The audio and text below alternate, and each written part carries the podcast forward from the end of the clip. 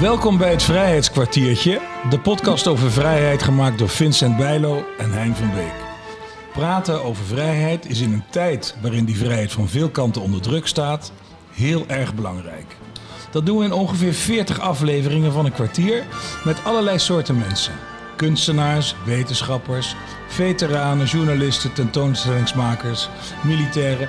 Allemaal vertellen ze verhalen van vrijheid om ze door te geven en het belang ervan onder de aandacht te brengen.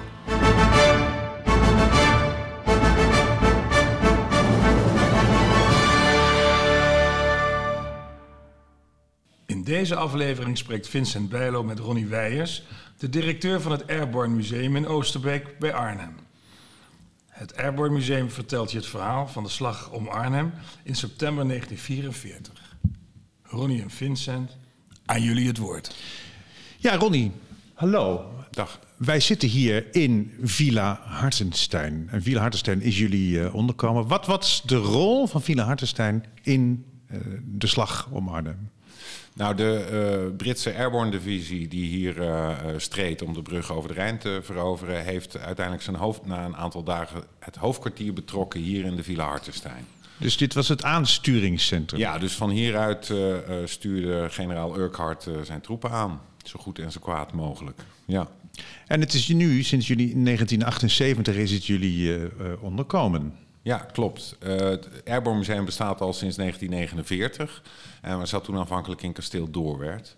Uh, dus uh, ja, toen deze plek vrij kwam, was dat natuurlijk eigenlijk de, de plek om het Airborne Museum te huisvesten. Weet je ja. ook waar in dit gebouw hij, hij meestal zat? Nou, ze zijn in de loop van de strijd steeds een verdieping lager gaan zitten, heb ik begrepen, omdat het vijandelijk vuur te heftig werd. Dus uiteindelijk in de kelder heeft hij zijn hoofdkwartier gerund. Ja. Laten we, even, laten we eerst even het verloop van de slag om Arnhem uh, even schetsen. Want uh, die begon uh, op 17 september.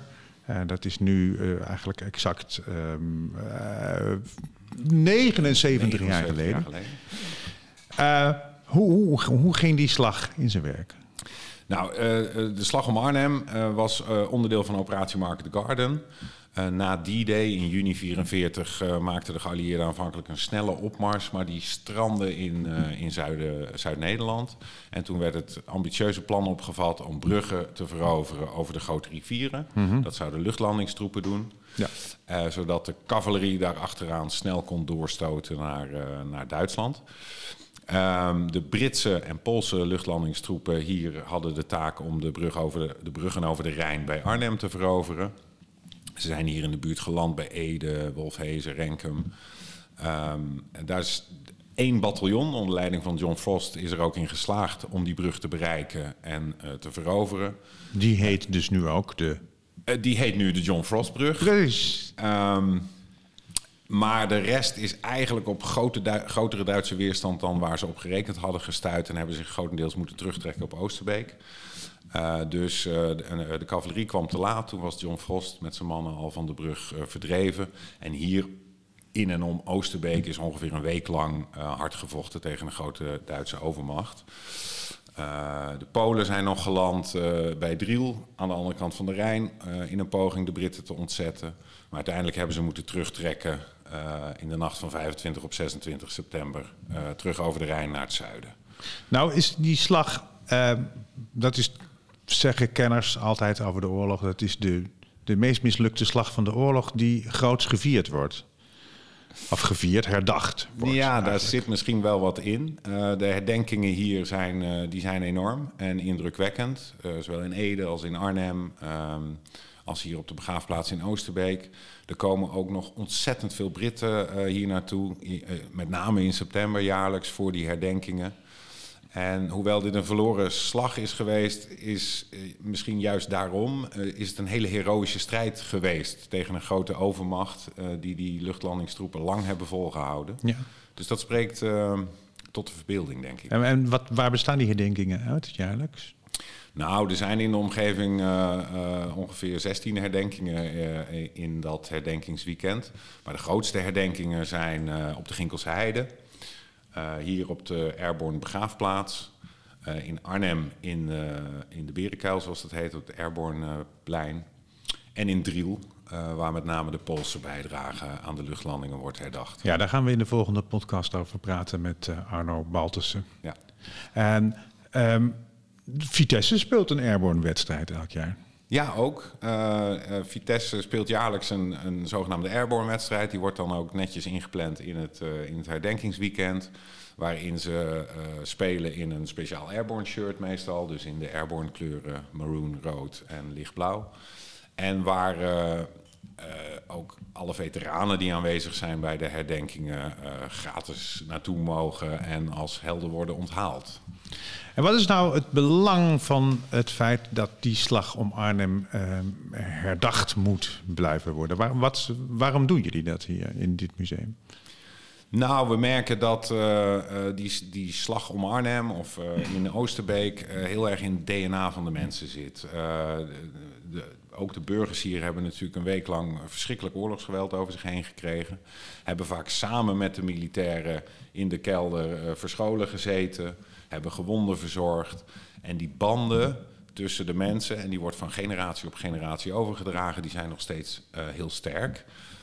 Um, ja, moet je herdenken? Nee, niks moet. Maar die behoefte wordt hier heel erg gevoeld om de opofferingsgezindheid en de moed van die militairen uh, ja, toch te blijven herdenken. En, en hoe doen jullie dat in dit museum? Hoe, hoe, uh, hoe vertaal je dat eigenlijk naar, naar dat dat aansluit bij de hedendaagse mens? Ja, um, nou, het, het museum bestaat al heel lang en is in de loop der jaren echt wel gewijzigd in hoe je zo'n verhaal vertelt. Er zijn natuurlijk steeds minder mensen die het hebben meegemaakt. Uh, en dat is een beetje geëvalueerd, zou je kunnen zeggen, van de nadruk op de militaire gebeurtenissen van minuut tot minuut naar iets meer de persoonlijke verhalen vertellen. En ook niet alleen van de Britse militairen, maar ook van de Poolse militairen. Uh, van de, en met name ook van de burgers die het hier over zich heen hebben gekregen. Dus je zou kunnen zeggen dat de focus wat verschoven is van de militaire uh, uh, dagboeken naar de, hoe het in het leven van mensen heeft ingegrepen. Ja, dus van technisch eigenlijk naar persoonlijk. En ja. hebben jullie, ja, zijn jullie ook al zover dat je ook verhalen van Duitse militairen vertelt? Ja, die, die komen ook aan de orde. Um, minder. Maar um, uh, ja, je wilt van verschillende kanten uh, belichten. En tegelijkertijd wil je niet uit het oog verliezen uh, wat er aan de hand was en over wat voor regime we het hadden natuurlijk. Ik wil even een paar, um, een paar um, voorwerpen noemen die hier zijn. Um, wat, die op mij heel veel indruk hebben gemaakt. ik, ik wou beginnen met het behang. Ja, het behang, dat komt hier uh, uit een pand een paar straten verderop, waar tijdens, de, nou, tijdens die slag een aantal Britse scherpschutters uh, uh, zaten. En die hielden op het behang bij ehm, hoeveel vijandige strijders ze neerschoten. dus um, ja, dat is een, inderdaad een bijzonder stuk, dat vind ik ook. En die Tony Crane, die dat behang heeft, uh, uh, met, zijn, met zijn maat heeft uh, bestreept, die heeft dat ook nog, die heeft dat ook nog genoteerd. En die heeft echt gezegd, ja, de eerste Duitser die ik neerschoot, dat was iets verschrikkelijks. Het was zo erg, ja. maar het ging steeds makkelijker. En dat vond hij van zichzelf achteraf ook echt verschrikkelijk dat het zo werkte. Maar blijkbaar gaat dat zo in, in oorlog. Ja ik, de, ja, ik ben bang dat het zo gaat. Uh, ja. Ook geweld is iets waar je blijkbaar aan went. Uh, plus het is natuurlijk vaak een kwestie van hij of ik. Hè. Je kunt het wel niet willen, maar dan, ja. ga, je, dan ga je er zelf aan. Dat zijn uh, zeker ja. in zo'n in zo'n strijd wordt het op een gegeven moment wordt het dat overleven ook. Ja. Het, het teddybeertje van Wolters vond ik ook heel mooi. Ja, is ook een bijzonder, een bijzonder object, vinden we zelf ook. En ook omdat dat, dat militairen met dat burgerverhaal combineert. Uh, Wolters was een zogenaamde Engelandvaarder, dus die is al eerder in de oorlog gevlucht naar Engeland. En die kwam in september 44 met de luchtlandingstroepen mee terug. daar waren ook een aantal Nederlanders bij, omdat ze natuurlijk de taal spraken, et cetera, en de weg kenden. En hij had toen een teddybeer bij zich die hij graag aan zijn dochter wilde geven. Zijn dochter die kort na zijn ontsnapping naar Engeland was geboren, dus die had hij zelfs nog nooit gezien. Uh, dat is hem in september niet gelukt om contact te leggen met zijn gezin. Maar uiteindelijk in mei 1945 heeft hij die teddybeer ook aan zijn dochter weten te geven. Dus um, ja, dat, is typisch een object wat, wat veel verschillende invalshoeken combineert. En, eh, en, en eh, ja, een aangrijpend verhaal. Kan je voorstellen dat je je eh, net geboren dochter vier jaar lang eh, niet ziet.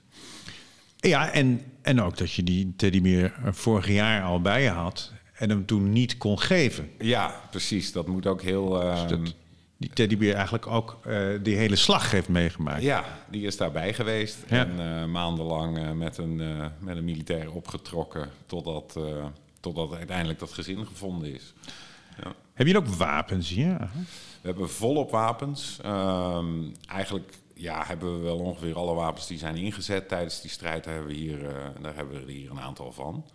En die laten we in het museum ook zien. We hebben een grote, grote wapenvitrine. Een Piat. Een Piat, ja, dat is een bijzonder eh, wapen. Dat is een, eh, een antitankwapen. Maar het is geen vuurwapen. Het, het werd bediend door een grote veer te spannen. En daar moest je wel wat kracht voor hebben. En eh, daarmee werd dan een antitankgranaat afgeschoten. Een beetje zoals in een kruisboog. Want het ziet er anders uit hoor. eh, richting. En dat bleek wel een erg effectief, eh, nuttig wapen te zijn. Daar hebben we er ook een aantal van en eentje in de opstelling. Ja. Hij is heel zwaar. Ik heb hem wel eens stiekem even beetgepakt. Oh, ja. Mocht niet van de directeur. Nee, vast niet. Nee. Maar, nee dat, maar goed, ehm, ik, ik, ik begrijp dat. Eh, ja, een, een bijzonder ding. Ehm, en zo hebben we eh, allerlei wapens, maar dit, deze spreekt wel redelijk tot de verbeelding, omdat hij dus zeg maar gespannen werd met de Ja, dit is een heel Ja. ouderwets wapen. Eh, In wezen wel, maar natuurlijk ook wel eh, daarom heel praktisch eh, om, om bij je te dragen. Eh, ja. En, en eh, er zijn ook medailles, Pool- Poolse eh, medailles die Polen hebben mogen ontvangen. Ja, we hebben heel veel onderscheidingen in de collectie. Daar hebben we ook een speciale ruimte aan gewijd, onze stiltekamer. Die gaan we uitbreiden ook eh, binnenkort. Eh, het gebeurt nog steeds een paar keer per jaar dat mensen de onderscheidingen komen aanbieden van hun nou ja, overleden grootvader of iets. Ehm, je doelt eh, denk ik op de bronzen leeuw die eh, generaal Sosabowski eh, postuum heeft ontvangen. Pas, Ja. in, pas in 2005 is eigenlijk dat eerherstel van de, van de Poolse parachutisten eh, voltooid. Toen heeft de Poolse parachutistenbrigade de Willemsorde gekregen. En generaal Sosabowski postuum de bronzen leeuw. En die hebben zijn kleinzoons toen aan het museum in bruikleen gegeven. Wat is nou eigenlijk eh, de mooiste reacties, of wat zijn de, de, de mooiste reacties die je van bezoekers hoort na deze indrukwekkende eh, collectie te, gezien te hebben?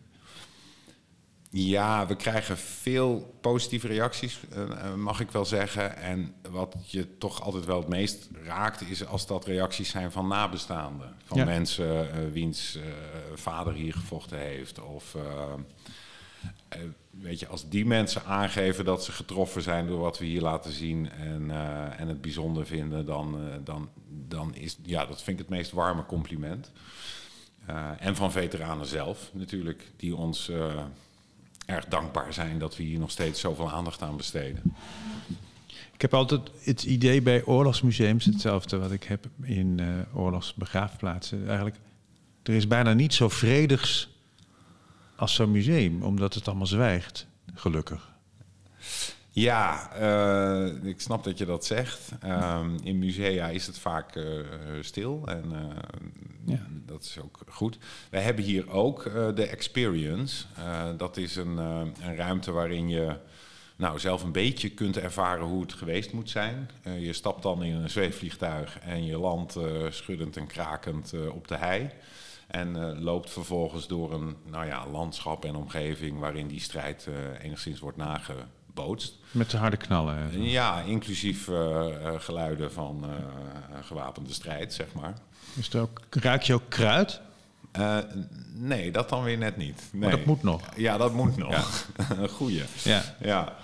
Eh, en daar, ja, daar zijn veel mensen ook van, van, van onder de indruk. En dat zorgt ervoor, hè, we, we doen hier niet alleen herdenken, maar ook beseffen en beleven, om het zo maar te zeggen. Ja, Eh, om die verhalen invoelbaar te maken. En, en daar is dit wel een onderdeel van. Ja. Ook speciaal voor kinderen of niet? Nou, eh, we doen verschillende dingen voor kinderen. we hebben een audiotour in vier talen en een aparte kinderaudiotour. Waarin op een nou ja, begrijpelijke niveau uh, wordt uitgelegd wat er is gebeurd en, en, en wat je kan zien in dit museum. We hebben uiteraard verschillende educatieve programma's voor uh, schoolgroepen. Um, die experience uh, vinden kinderen vaak ook fantastisch, maar we bevelen wel aan om daar voor je achtste eigenlijk niet in te gaan. Daar is die iets te spannend voor. Ja, ja, ja zeker. Ja, dus er, er, komen hier aardig wat scholen, met name uit de omgeving, maar ook van verder weg, uh, die ook willen leren over de slag om Arnhem. En daar, hebben we, ja, daar bieden we verschillende dingen voor aan, zodat ze dat op hun eigen niveau tot zich kunnen nemen. Heb jij een persoonlijke band met de slag eigenlijk? Nou, wat heet persoonlijk. Uh, ik kom redelijk uit de buurt. En ik ging als kind al uh, graag naar de Ginkelse hei als daar de parachutisten sprongen in september. Yeah. Uh, maar ik geef toe dat ik misschien toen niet helemaal wist waar dat nou precies over ging. Uh, ik heb altijd veel affiniteit gehad met het onderwerp, Tweede Wereldoorlog. Yeah. mijn grootvader heeft aan de Gebberberg gevochten. hiervoor werkte ik in het Nationaal Militair Museum. Slag om Arnhem, ja, is daar onderdeel van. En uh, is, is, een fascinerend verhaal. Dat heb ik altijd al wel gevonden. Ja, ja het gaat natuurlijk altijd om het uh, besef, inderdaad, wat je zegt. En dat we het. Ja, je zou kunnen denken van, nou moeten we Natal maar nou niet, niet eens vergeten en achter ons laten. Maar het lijkt soms ook wel, hoe langer het geleden is, hoe belangrijk we het vinden dat die verhalen verteld worden. Ja, en je merkt, en de afgelopen jaren uh, hebben mensen woorden als verzet en vrijheid ook vaak in een context gebruikt. Dat je denkt, nou, het zou fijn zijn als je er iets meer over wist wat er hier in het verleden ja. uh, gebeurd is. Ja. En je ziet dat er nu een vreselijke oorlog in Europa aan de gang is. Uh, dat kunnen we helaas niet voorkomen door hier musea op te, op te tuigen. Maar we kunnen misschien wel mensen die hier komen laten zien uh, hoe vreselijk oorlog is, om te beginnen. Uh, maar wat ik ook het mooie toch van die oorlogsverhalen vind, is dat ook het, het goede in de mens daarin doorschijnt. De moed en de, en de offers die sommige mensen brengen voor elkaar en voor, voor vrijheid. Ja. En ik denk dat dat een verhaal van alle tijden is. Um, en dat we, ja, de meeste mensen hier zijn gelukkig opgegroeid in vrede en vrijheid. Maar dat we toch onder de aandacht moeten brengen dat dat niet vanzelfsprekend is. Om dat cliché maar te gebruiken. Want dat is het niet. Daar nee, is hard voor gestreden. Nee. En dat hebben mensen wel moeten willen doen voor een ander. Ja. Dankjewel, Ronnie Weijers, directeur van het Airborne Museum. En volgende podcast spreken wij, dan vervolgen wij deze serie, dan zijn wij nog steeds in Hartenstein. En dan hebben wij Arno Baltussen te gast. En wie dat is, dat hoor je de volgende keer. Dit was het uh, Vrijheidskwartiertje, gemaakt door Hein van Beek en Vincent Bijlo. Muziek Kilian van Rooij. Deze podcast is mede mogelijk gemaakt door een bijdrage van het V-Fonds, Stichting Nationaal Fonds voor Vrede, Vrijheid en Veteranenzorg, de provincie Gelderland, Stichting Vrienden van Boei, Stichting Nationaal Erfgoed Hotel de Wereld en Hotel de Wereld zelf. Mocht je dit een interessante podcast vinden, deel hem vooral, geef reviews en geef sterren. En alle info tref je aan op vrijheidskwartier.nl.